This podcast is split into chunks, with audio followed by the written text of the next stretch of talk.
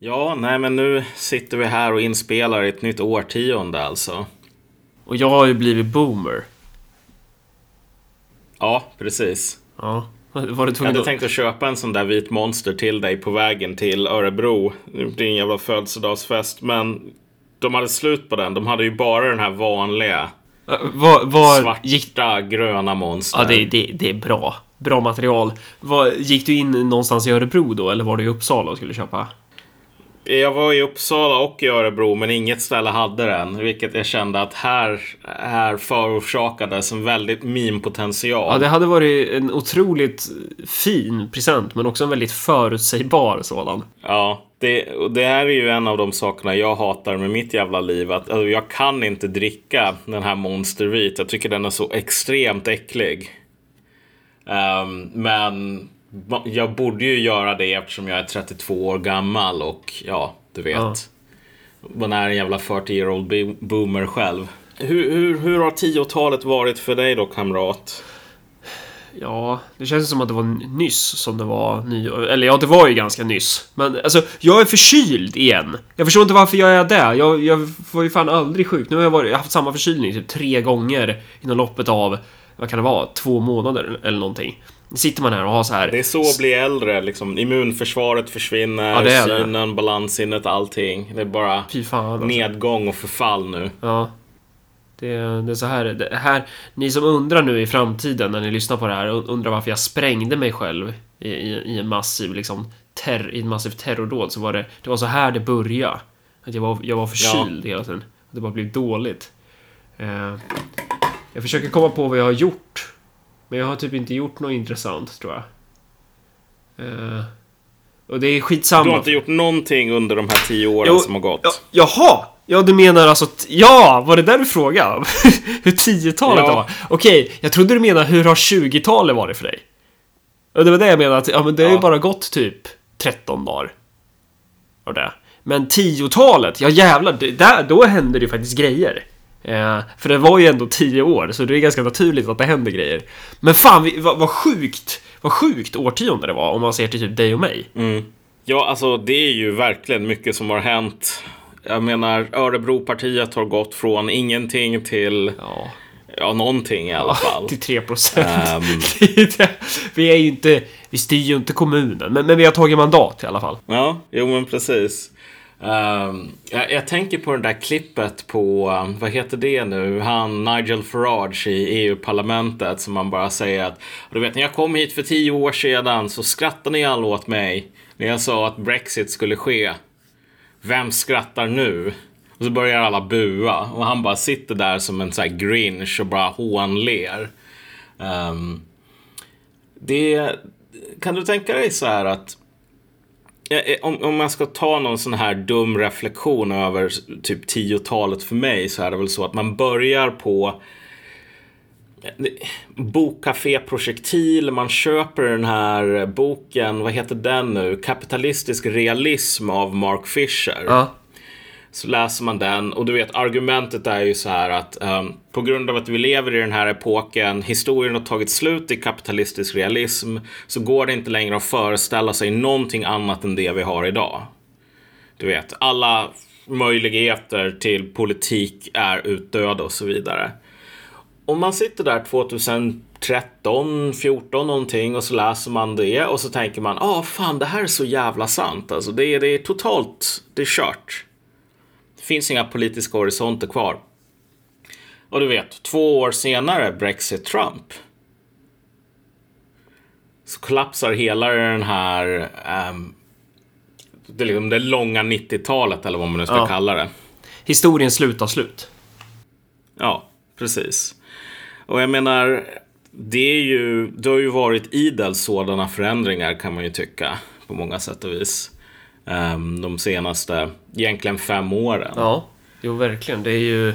Det går fort i hockey, som man säger. Men eh, frågan är ju hur mycket vi vill uppehålla oss kring...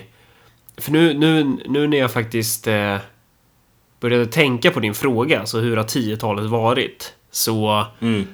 man får ju en del flashbacks, alltså riktigt sjuka flashbacks till, eh, Mm. till hur man har betett sig och liksom... Eh, ja.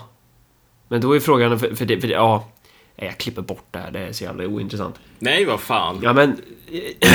Nej, vad fan. Spontant det jag tänker på, första grejen så här, 2010, jag tror att det var då vi hade vår första så här distriktsårskonferens i Ung Vänster.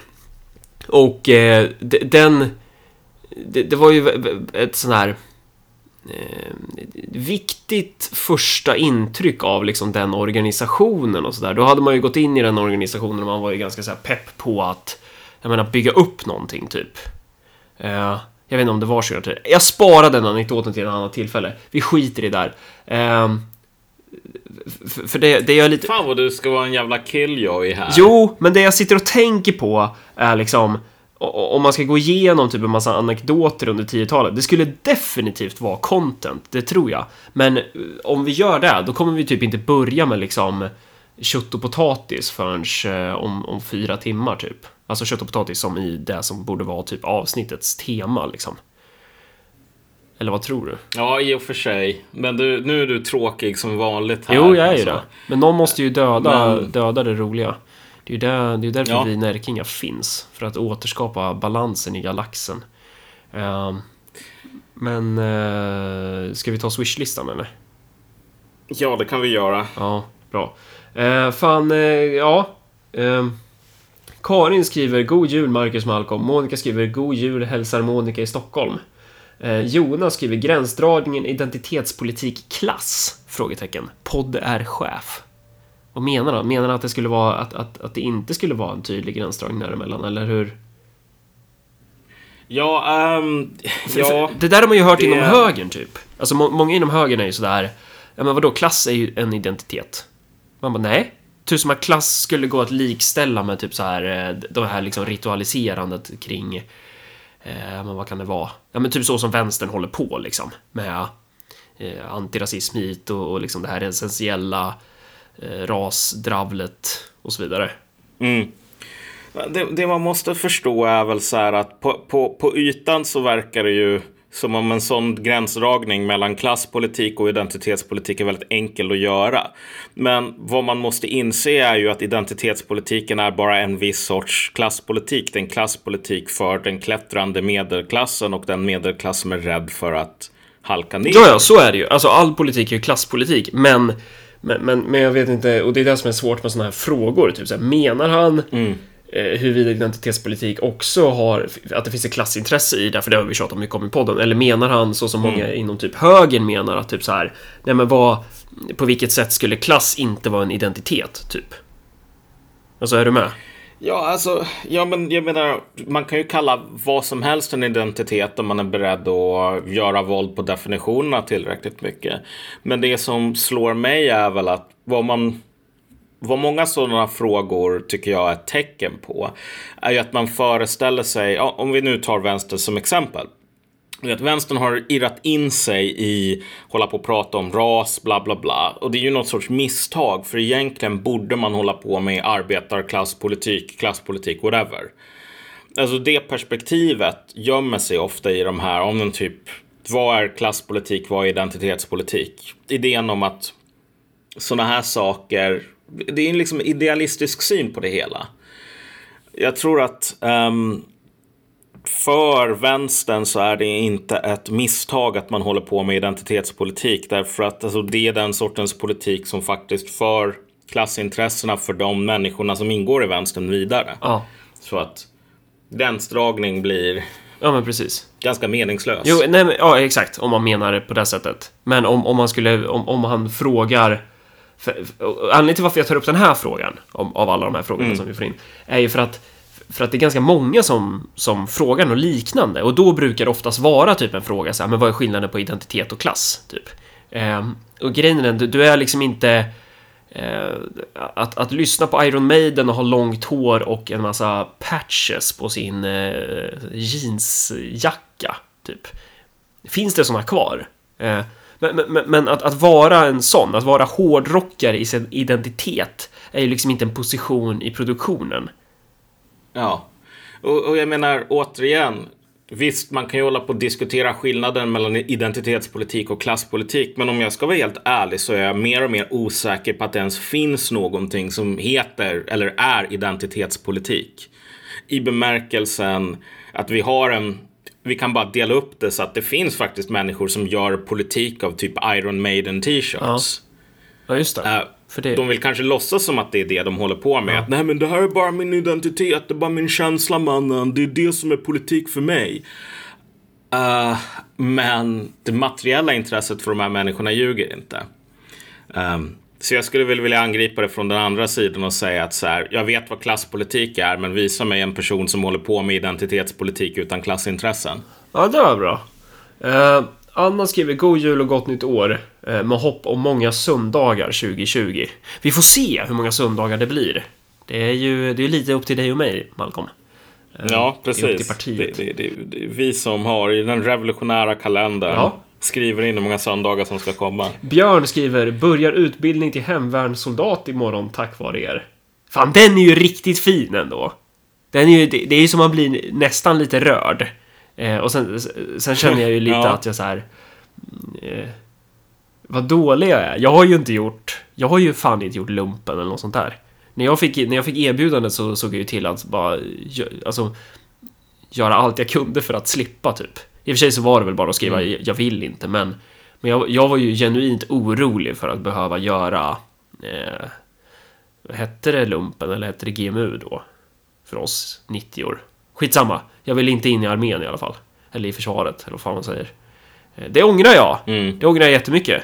Eh, så till alla snorungar där ute, se till att och gå in där. Jag tror att det är jävligt bra. Jag tror att, jag tror att det gör eh, folk av folk.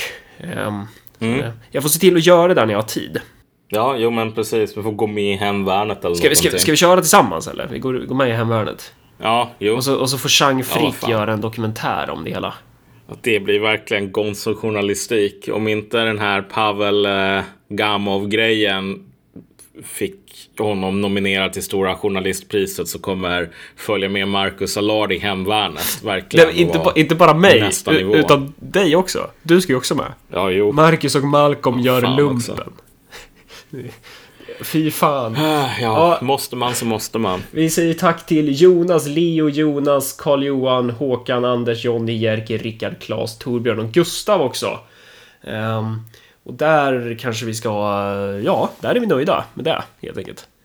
Ja, ja, och idag hade vi tänkt att tala om Egentligen så hade jag hoppats på lite roliga anekdoter från Marcus unga 20-åriga liv här, men... men... Ja, men okej, ska, jag dra, ska vi dra någon form av så här, summera det här tiotalet jävligt fort då? Om jag ska summera min politiska resa då? Ja, jo. Okej, 2010, då är, jag har ju varit aktiv i Ung Vänster i typ ett år då. Eh, och och det, det, det fanns ju inget Ung Vänster, utan då var det ju liksom så här, men man kommer in i partilokalen, försöker eh, säga hej till de här jävligt konstiga människorna som sitter och typ ser ut som någon form av, ja men du vet så här, såna här hipsters som, som ser liksom så jävla säckiga ut. Det, det är liksom någon form av så mm. modern amish, typ. Um, så matta, slitna röda kläder, typ. De har verkligen så gått in för att klä ner sig. Den typen av människor sitter i partilokalen.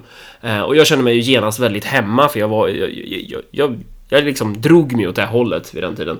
Um, och eh, jag försöker säga hej till de här människorna, men de tittar bara på mig. De, de hälsar liksom inte ens. Det, det är typ mitt första intryck av Vänsterpartiet. Så. Eh, och sen så under mötet så kommer det fram liksom, ja, det, det är någon ny person här. Så, för de känner inte igen mig. Och så bara, ja, jo, jag har blivit medlem här, jag skulle vilja bli aktiv i Vänsterpartiet. Och då säger de, nej, men det ska du inte bli, säger de då. Eh, du, du, ska gå med i Ung Vänster. Du ska, eh, och då frågar jag, jaha, vem ska jag prata med då? Och då säger de, ja, men det, du får starta upp det. Och sen på den vägen är det ju. Eh, och 2010, då har man varit aktiv i ett år typ. Och jag tror att det är då liksom, ja, då är det ju första valet där ju. Eh, och så irrar man ju runt där och har sån jävla ångest och tycker att man är så sjukt dålig, man har ingen aning om vad man gör. Typ förbundsstyrelsen, de som styr Ung Vänster, de, de sket ju mer eller mindre i Örebro. Det var ju så här, man, man fick ju operera jävligt mycket självständigt och man så här, jättemycket så här, trial and error och vad gör vi rätt nu så här? Jag kommer ihåg första gången vi skulle ha eh, skolbesök. Det här är kanske bara är intressant för de som känner mig, men eh, att jag, jag höll ju på att, att spy. För jag var så jävla nervös att jag skulle prata med så okända människor. Eh, mm. Så jag, jag, var livrädd för att värva. Det var, det var då, det var tio år sedan då i alla fall. Så är det ju inte nu längre. Men, men Alltså, så höll man ju på att stånga sig blodig på alla möjliga sätt och gjorde massa dumma grejer och liksom så här la, wastea så jävla mycket tid på, på projekt som bara inte ger någonting. Och sen så hur som helst i 2010s valrörelse så visade det sig att det, vi i Örebro eh, vi hade ju värvat typ 17,5% av den här, nationella värvningen av medlemmar. Och då var alla vi var ju bara så här, nybörjare typ. Hade ingen aning om vad fan vi höll på med. Eh, så då gick man ifrån känslan att känna att man, fan vad sämst vi är till eh, om, om, vi är bra på det här, fan vad sämst vår organisation är. Och sen typ, jag tror det var första uteslutningshotet 2010 också, då ni hade skrivit på, på, på något forum där eh, om Ung Vänster. Kom, har jag berättat om det? Ja, du känner till det? Just det, ja. ja. Precis. Ja, nej, du, jag tror inte du har berättat om det i podden. Nej, men det var Ida Gabrielsson som ringer upp och skäller ut mig för att jag hade skrivit på kommer fan inte ens ihåg vad det var, men det var så här helt sjukt. Och så, det, det, det är liksom det året som man kommer in i Ung Vänster. Det var första... Eh, ja, 2011 är den första kongressen där och man så här... Man lär sig liksom att bli typ kuvad och ha garden uppe typ. Och man måste så här vara beredd att se sig över axeln och det blir så här... Det, det, det är en otrolig paranoid stämning i den där organisationen överlag. Eh, sen vet mm. jag inte om det är 2012 eller 2013 som, som vi träffas. Ja, alltså det är ju fan, nu när du ställer den frågan. Jag skulle egentligen vara tvungen att kolla till, tillbaks här på de här första inläggen på bloggen. Uh. För jag menar, jag började ju skriva den på grund av någon jag vet inte, jag hamnade i någon sån här diskussion med någon i Ung Vänster i Uppsala.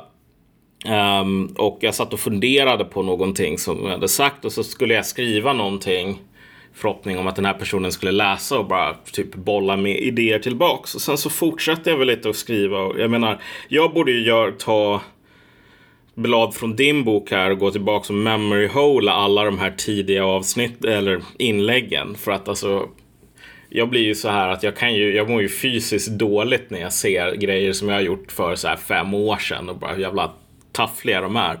Men eh, det var väl Ja, det måste ha varit 2012, 13 någonting som man började hålla på och skriva. Det kanske till och med var lite senare? Nej? Nej, inte senare. Alltså, ja, någonstans där ja, i alla fall. Jag tror att vi träffades 2012. Hade jag varit i Mali när vi träffades?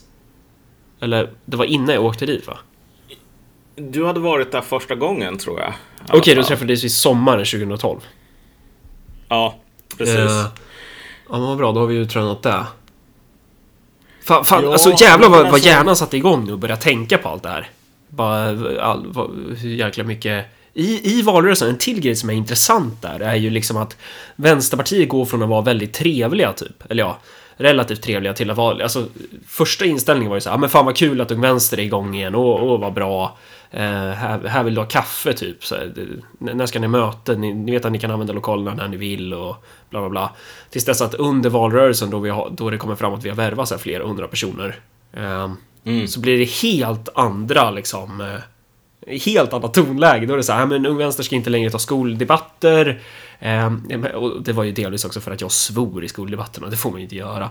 Eh, men framförallt så handlar det ju om att de var livrädda att vi skulle kunna toppla dem, typ. Och det hade ju inte vi någon tanke mm. på i början.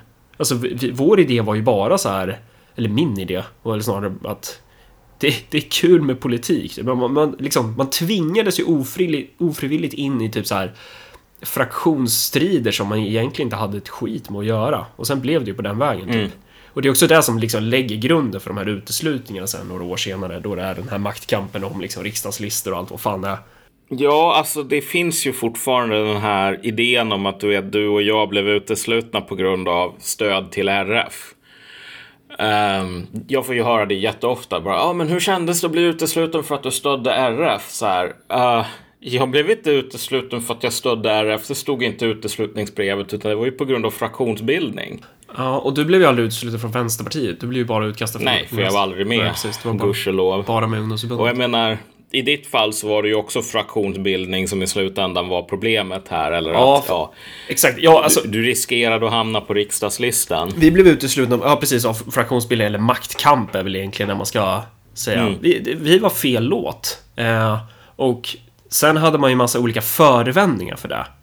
Eh, och man mm. försökte ju flera gånger Första gången Örebro-avdelningen var på partiledningen, det var väl när jag hade twittrat någonting om typ Stefan Löfven eller någonting. Man ville ju ha ett, ett, ett skäl till att skicka mig, ungefär som Amine typ. Att henne var de ju Ja. på jättemycket i flera år. De ville ju bara hitta en anledning till att skicka ut henne. Eh, och det handlar inte så mycket om ideologi, utan det handlar ju om, om bara så här försörjning, materiella intressen, eh, kamp om de här stolarna som finns. Ja, nej men alltså det stora problemet med Ung Vänster är ju på ett plan att eller var ju det då och jag tror att det är så fortfarande nu. Det har ju inte ändrats. Att, att man är ju så himla nöjd i det här lilla hålan man har. Och man är också, visst man blir jävligt rädd om det kommer in kompetenta människor. Eh, inte för att bryta mot jantelagen här, men någonting kompet- mer kompetent än typ en zombie är ett hot. Därför att det här är zombie som sitter där. Um, man kan ju hålla på och rikta massor med kritik mot Ung Vänster. Och du vet, efter att man blev utkickad eh, och egentligen man blev utkickad ur vänstern, vilket skedde en sån här två år senare eller vad det nu var. Ehm, och du och jag fick ju höra väldigt många gånger så här 2015 någonting. Ehm, att vi var så himla fast i det där. Vi var så himla bittra för att vi inte fick klättra upp i Ung Vänster. För att vi inte fick bli uh, bla bla bla sådär. Vi är fortfarande fast i det. Ja. Och jag tänker bara att alltså, en del av de där figurerna som man hade samröre med eller tyckte illa om Ja, men på den tiden är fortfarande Ja! med i Ung Vänster idag, 2020. Exakt! De står kvar, de gör exakt samma grej idag. Fast de är typ... Alltså om... Jag är ju typ 150 år nu liksom. Jag, jag är fan 30 bast. Hur gamla är inte de där? De måste ju vara typ... Det känns ju som att de är typ 45. Men de är väl typ i vår ålder ändå, men kanske lite äldre. Men, men, men Ja. de gör ju samma grej! De står ju på exakt samma ställe de gjorde för 10 år sedan. Och de, och de ser det som en jävla dygd, typ. Så här, bara, vad, vad har du gjort Ja. på 10 år? Jag käkar couscous och gurka. Och typ eh, pratar om att jag som vit man borde kastrera mig själv för, eh, för att bekämpa patriarkatet. Ja, nej, men precis. All den här jävla couscousen och gurkan. Jag menar, säga vad man vill om muff. Men jag menar, där får man ju i alla fall äta kött. Och om folk inte förstår det här så, Så så i Ung Vänster så var det typ en grej att eh, ja, men man gick in för att göra så, så billig och äcklig mat som möjligt. Och det var ju någon så här, ja det var en rimlig tanke att man ska liksom inte slösa med organisationens pengar. Men det är ju inte som att, som att bra mat är skitdyr. Alltså det var, det var som att Ja. man... Du, vet, alltså, allting handlade ju bara om att göra det dåligt. Är någon form av... Alltså om du ska göra någon sån här billig mat, om jag tänker mig, om jag skulle laga mat till massor. Jag skulle väl typ göra någon sån här korvstroganoff eftersom det går hur snabbt som helst. Ja, men då är det kött. Sen så skulle man göra något vegetariskt alternativ. Alltså det skulle ha fått dig dragen i långbänk i Ung Vänster på grund av att hellre då lägga ner mer pengar på någon jävla halloumi, couscous, whatever. Eh, helst så här ultraveganskt ska allting vara. För att dygdsignalera.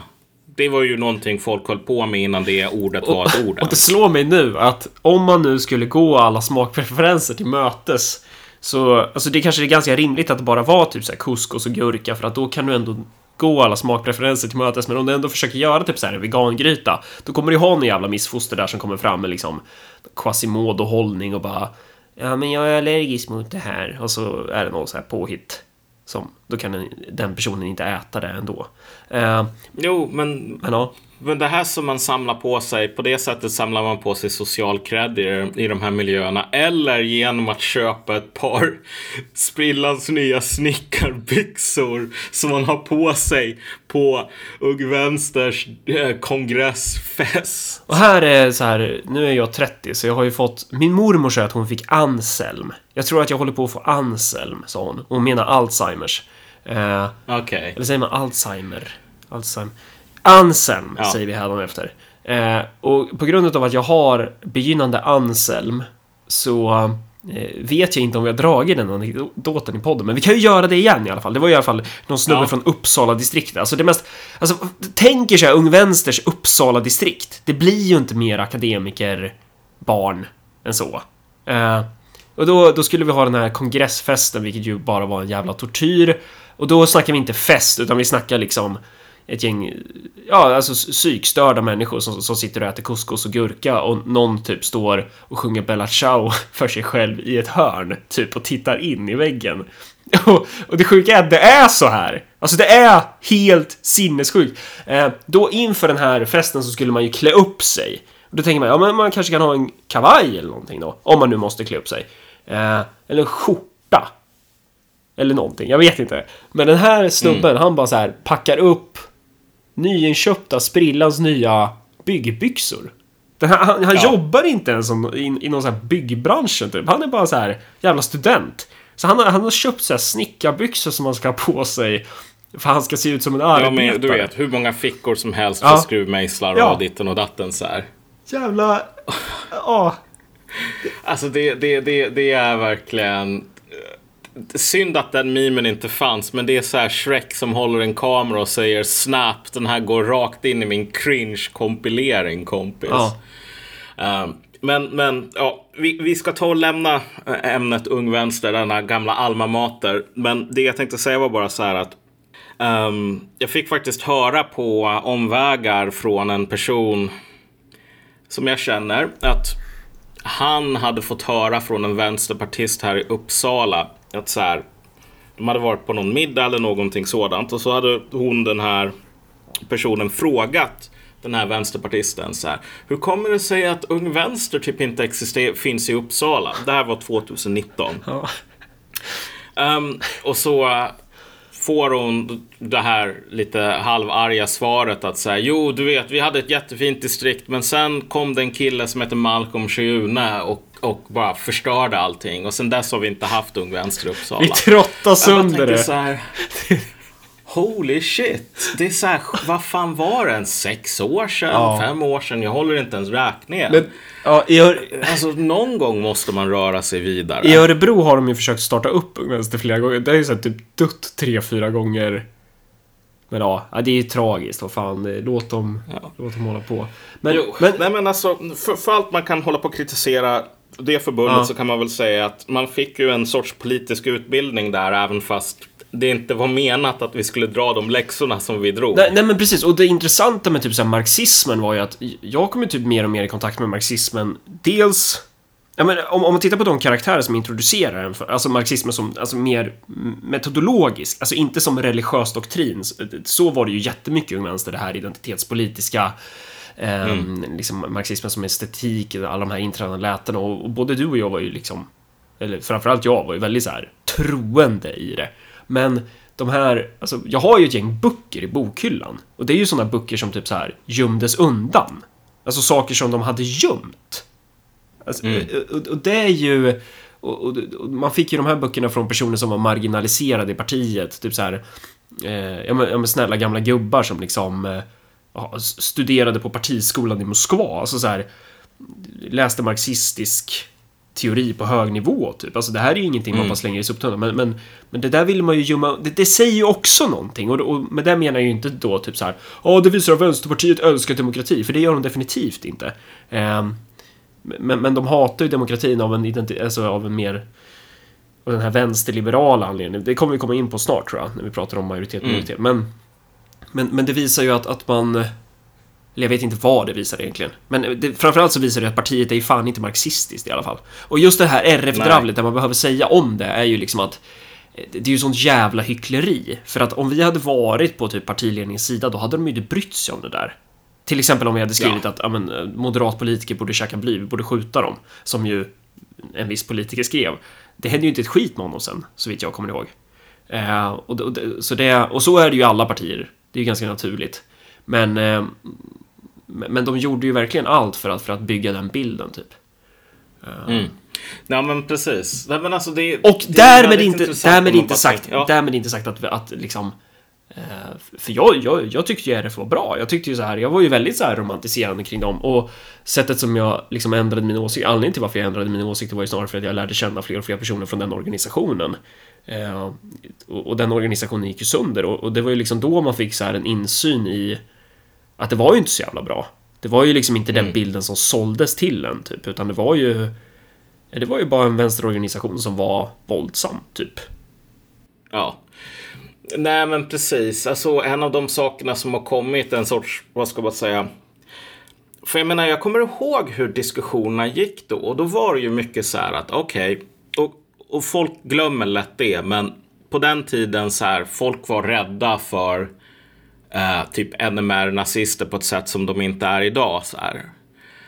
Um, men på den tiden, man tyckte ju så här, det fanns ju någon sån här machismo med RF. Du vet, de slåss mot de här nassarna som har kniv och pistol och de gör det med knytnävarna och så vidare. Bla, bla, bla sådär.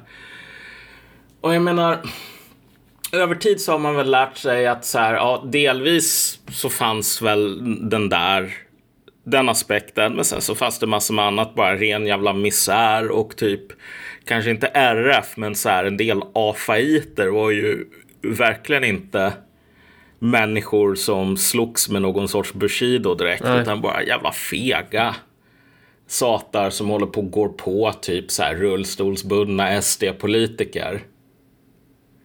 Um, så jag menar, i slutändan, det, det, det är lite um, irriterande att bli, hålla på och bli um, behöva besvara den här frågan. Ja, men Malcolm, hur kändes det att bara älska RF och så vidare när man aldrig riktigt gjorde det? Och det är ju vårt, um, alltså vi får ju se till att, eller ja, det är väl naturligt att folk tror det kanske.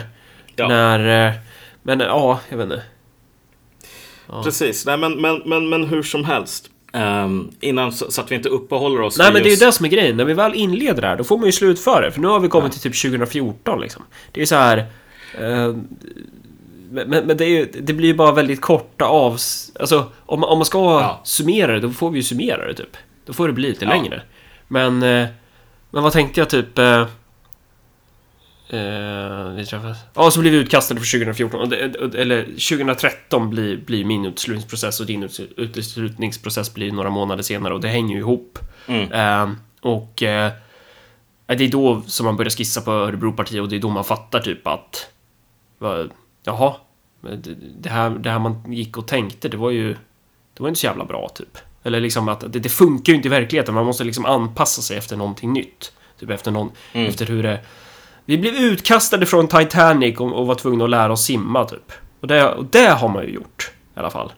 Jag menar så här, det får man ju faktiskt tillägga att på den tiden ja. så trodde ju vi att det stora problemet med Vänsterpartiet Ung Vänster var, för att använda ett lite modernare språkbruk här, att det var kax som satt i toppen och att så fort du bytte ut dessa kax mot människor som inte var kackade, då skulle du vet den internationella revolutionen, whatever, klasskriget börja. Um, det var ju en väldigt naiv tilltro till Um, och väldigt okunnig också syn på, på hur politiken funkar, hur, hur, varför det där partiet såg ut som det gjorde och så vidare. Mm. Men en sak som slår mig apropå det här med att starta ÖP. Jag vet inte, vi har väl kanske kommenterat det någon gång tidigare i podden. Men så här. Det är intressant hur många av pusselbitarna som har fallit på plats först i efterhand. Det fanns ju ingen jättestor så här plan. Eh, om vi tänker oss de här analyserna som vi har gjort i Marcus och Malcolm om så kommuner, deras vikt och så vidare. Den analysen fanns ju inte där medvetet i alla Nej. fall. Det fattar man ju, det fattar man ju över tid typ. Att bara oj shit, vi, det här kan ju bli ett bra, det här kan ju faktiskt bli ett vinnande koncept. Mm. Det här är så jävla svårt när man väl börjar tänka på allt det här som har, som, som typ, vilken jävla årtionde, vilken jävla resa alltså. Vad fan, du, du, vet, jag får ju den här, du var inne på det här med, med memory hola och, och, att man ska hålla på och, och vara historierevisionist och så vidare, radera gamla inlägg och sånt. Um, jag får ju så här ångest för saker som jag gjorde för ett tag sedan, men då är det ju liksom inte saker jag gjorde för typ fem år sedan, utan då är det typ så här. Ja, men det här skrev jag för ett halvår sedan. Det här vill jag ta bort, typ. Mm. Att jag får... Uh, så, så, jag känner att jag var, jag var helt dum i huvudet när jag var något år yngre. Och så känner jag mm. varje år. Det kanske är så det är när man blir gammal. Ja, jo men precis. Det är så det är att bli gammal, Marcus. Mm. Nej, men, alltså, det, det intressanta här är väl att läget såg ju så jävla annorlunda ut för bara fem år sedan om man tänker sig dels ens egen uppfattning om världen men sen också egentligen, alltså det, det som var normalt då, det är typ sjukt idag och vice versa. Fan, när vi träffades, alltså så här, det som kallas identitetspolitik i modern tappning, det fanns ju knappt då. Det är ju någonting som har kommit så här med stormsteg Alltså, på... den, den dagen. Eh, det var ju så här svinvarm dag i antingen juni eller juli. Eh, I Uppsala. Man höll ju på att, att dö för att det var så varmt. Och då har jag bestämt träff med den här personen som heter Malcolm och som har skrivit jävligt vettiga inlägg och som har någon form av kapacitet att vara liksom kritisk mot den vänster han ändå ser sig som en del av typ. Eh, så jag är väldigt så här förväntansfull och så jag, jag, jag tänkte typ så här, ah, men det här är någon snubbe typ, ah, han går typ klädd i typ Adidas eller någonting eller något sånt där. Eh, och så stöter man på det så står det där i typ fullt utrustad liksom tweed-kavaj typ. Eh, och bara, det ser så jävla varmt ut. Och så går vi till något café. Eh, vi sätter oss vid ett jättelitet bord. Eh, det är människor jättenära, vilket är jätteobehagligt. Och så ska vi börja så här, prata med varandra och du försöker presentera liksom din politiska hållning som eh, lite för högt så att alla hör. Nej, men jag är nog mer åt Paul Pott. Nej, det är inte, det var, vad jag sa var ju så här att och jag var ju inne i lite grann den här Greta Thunberg-grejen innan det var coolt, måste jag säga. Ja, det. Ja. Eh, Så det var någonting i stil med att ja, men du vet, man kan ju inte hålla på och lova massor mer typ högre levnadsstandard, utan det enda vi kommer att kunna lova folk så här, det är ju typ gå ut i fälten som Pol Pot gjorde. Jag kommer inte ihåg, du, du bara känner dig lite tveksam inför den eh, den sloganen på nästa valprogram kan man väl säga. ja. Men det, ble, det, blev ju, det blev ju bra till slut. Ja, jo, jo, men precis. Nej, men så här. Jag menar, så på den här tiden har man ju betat av, ja, du vet, medlemskap, desillusionering med ung vänster. Men, men egentligen, det som folk ofta missar är ju att den stora brytpunkten kom ju egentligen med alltså vänstern rent kulturellt, eller vad man nu ska säga. Jag menar, för dig var det ju lite annorlunda, för du hade ju faktiskt byggt upp en organisation och så vidare. Ja. Och Det här var ju ett flera års arbete som så att säga slog sönder. Ja, Alltså jag jobbade ju lika mycket med politik då som jag gör nu. Bara det att det var Mm. ja, i huvudsak oavlönad. Jag hoppade av universitetskurser för att göra så här idiotprojekt som samla in underskrifter. 12 500 underskrifter för folkomröstning om gratis buss. S- Som bara så här hamnade i soptunnan. Så det var bara jaha, ja ja. Alltså sån... Jo, jo men precis, jag hade... Ja, jag ska inte avbryta dig. Men, men nej, jag hade en... eh, Jag hade jobbat organisatoriskt i alla fall. Som någon sån här dum akademiker eller i alla fall eh, Ja. någon som faktiskt höll på med som på något plan brann för just det här intellektuella också. Ja. Så det var fan jävligt, det var jävligt desillusionerande att bli så här, du vet, knivad i ryggen av ens gamla kamrater på grund av att man hade skrivit Ja, det här inlägget egentligen i början av 2017 var det ju. Och då var det ju så att, ja men du vet, alla bara insåg att nej, men de här människorna, de är rasister och de ska man inte ha någonting att göra med. Och så samma människor. Du vet, det finns ju en, en, en, en person som både du och jag känner till i, i Vänsterpartiet som inte har en ryggrad, som har på något plan opererat bort den och går runt utan en fungerande ryggrad. Ehm, som bara skriver så här. ehm, PM typ. Att säga, jo men Malcolm har ju rätt men nu måste man ju kalla honom rasist på grund av att ja, nej men det är så spelet funkar. Och jag bara tänker din lilla jävla fitta. Det är så det funkar alltså. Ehm, det, det, det, och, och det tragiska är ju sen att man inser att det här är ju inte ens någonting som var så himla unikt utan där händer ju stup i kvarten. Ja, och inte bara Vänsterpartiet ut- utan i vänstern överlag.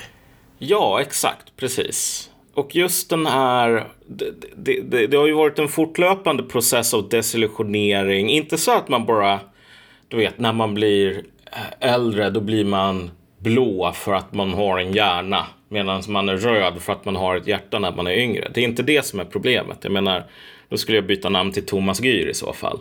Eh, utan Snarare så är det ju så att man har blivit mer och mer desillusionerad med hur mycket hycklande och cynism och så vidare som finns bland de här, ja men som fanns i den där rörelsen. Ja. Ja men verkligen. Alltså folk, folk tog inte sina egna ideal på allvar. De bara hånade dem och bara skrattade åt att någon kunde ta det på allvar ungefär. Alltså hur kan man vara så jävla naiv och att man tror att vi håller på att slåss för rättvisa här? Ja. Ja, det är bara en destruktiv gyttja. Och det vet de ju, alla vet ju det som är kvar. Eh, Men det enda de kan göra det är att fortsätta låtsas typ. Jo, jo men precis. Och det där är ju någonting. Alltså på något plan så är det ju så, och det här hänger ihop med det som vi ska tala om ganska snart Ja. så här. Att hela den där världen är ju så himla beroende. Den, du vet, vänstern lever ju på, insåg man ju efter ett tag, på den här idén om att nej, men de har ensam rätt på att vara goda Ja. ensam rätt på att du vet slåss för arbetarnas intressen, bla bla bla. Och om någon säger att nej men vet vad, det här är fel och det här ligger inte i deras intressen, då säger de bara nej, nej, nej, nej, nej, vi har patent på det här. Du får inte, du får inte komma in på vårt territorium. Vi äger det, vi har paxat det. Vi har den privata äganderätten över de här politiska området. Och, och det är så himla ruttet hela det där bygget i slutändan. För alla vet ju att sekunden som man är tvungen att så att säga konkurrera öppet här, då kommer man att förlora. Ehm, så det, det har varit väldigt, liksom, när man blev någon sån här kändis under en period och så fick man ju träffa massor med människor så fick man ju höra hur de pratade mellan skål och vägg.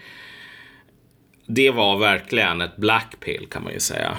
Ja, ja för, för att det du är inne på lite, det är ju dels att Dels var det en organisatorisk formell uteslutning typ. Eh, Ja. Som ägde rum 2013-2014 från de här organisationerna. Och sen så sker det även en, alltså mer för dig då än för mig kanske, alltså en, eh, en, en, liksom en kulturell, subkulturell uteslutning. Mm. Ehm, framåt 2016-2017 typ. Den absoluta spiken i kistan var väl när jag började jobba på Nyheter Idag tror jag. Nej, nej, det, det, det, ännu värre var det när jag rekryterade Peter Springare till partiet. Då var det verkligen så här, ja men nu, nu är Marcus fascist, typ. Nej men precis, och det fanns något sånt jävla ohedligt i det där. Men, men, men det är ju det som är, det är ju tyvärr så det funkar. Ja. Ehm, och visst, under ett tag så var man ju ganska bitter för att det är fan inte så jävla kul att bli utsatt för ett drev. Det måste man ju fan säga. Det är typ en av anledningarna till att vi har så jävla många galna rättshaverister i det här landet. Det är ju på grund av att den svenska kulturen kan ju bara hantera grejer dålig stämning genom att typ offra folk som syndabockar. Vi bränner folk. typ- Ja, ja men verkligen! Det är ju, ja, ja. Det känns, eh, det känns ju inte alls som en så otippad grej som om någon typ förstör stämningen på typ en julfest så bara går man ut, bygger ett bål och bara eldar upp personen. Som, Ja. som man gjorde på det glada 1600-talet. Ja, och, och du vet, många gånger så vet man ju, ja men vet du vad, den här personen, han, de påpekade att den här och den här, de har varit otrogna så här, det stämmer ju. Men vi måste slå ihjäl honom på grund av att återigen, den största synden i Sverige är ju att skapa dålig stämning. Ehm, och liksom blir man kastad på det där bålet, visst, då kan man ju bli jävligt eh, sur över det. Ja. Men, men, men i slutändan så här, jag, på ett plan, jag är fan jävligt tacksam för både de gamla kamraterna här i vänstern överlag och i Ung Vänster. För som sagt, utan dem skulle inte vi vara de personerna som vi är idag. Nej. Och utan att se den här liksom förruttnelsen och korruptionen i hela den världen så skulle man ju fan inte vara lika motiverad att slåss för en bättre värld om man nu ska vara så äh, äh, löjlig här. Ja, det är ju dock lite pinsamt typ, apropå att så här, eh, sopa igen sina spår, som, som kamrat Stalin gjorde. Så jag, jag tvingade ju min stackars eh, sekreterare Elliot att, eh, att gå igenom vad fan jag skrivit för skit typ. Och han gjorde ju en så här omfattande sammanställning. Jag, jag tror att han blev typ traumatiserad efter det. Han- Hans bild av mig måste ju ha blivit helt förvrängd typ. Eh, För han är ju i den åldern som jag var i då, när jag var helt dum i huvudet. I och för sig, jag var ju dum i huvudet för ett halvår sedan kom jag på mig. Men ja, men poängen i alla fall, att det är fan... Eh, Eller vad är poängen? Jo, poängen är ju att eftersom vi har gjort de här dumma grejerna så vet vi i alla fall, då kan vi i alla fall uppmana andra människor att inte göra det. Mm. Där har vi någonting. Men om vi ska övergå här till egentligen recensera 10-talet utifrån ett lite mindre navelskådande perspektiv här och se på de lite större samhällsförändringarna. Ska vi, ska vi, ska vi, göra, ska vi Ja. göra så, så att vi rent av pausar här? För det här är ju ändå 46 Mm. minuters inspelat. Det är ju typ ett avsnitt. Ja. Ska vi pausa där och sen starta en ny Ja, inspelning? vi kan, ja, precis. Det Ja, kan vi då gör göra. vi så då. Och så kan vi släppa det här som en separat del. Ja.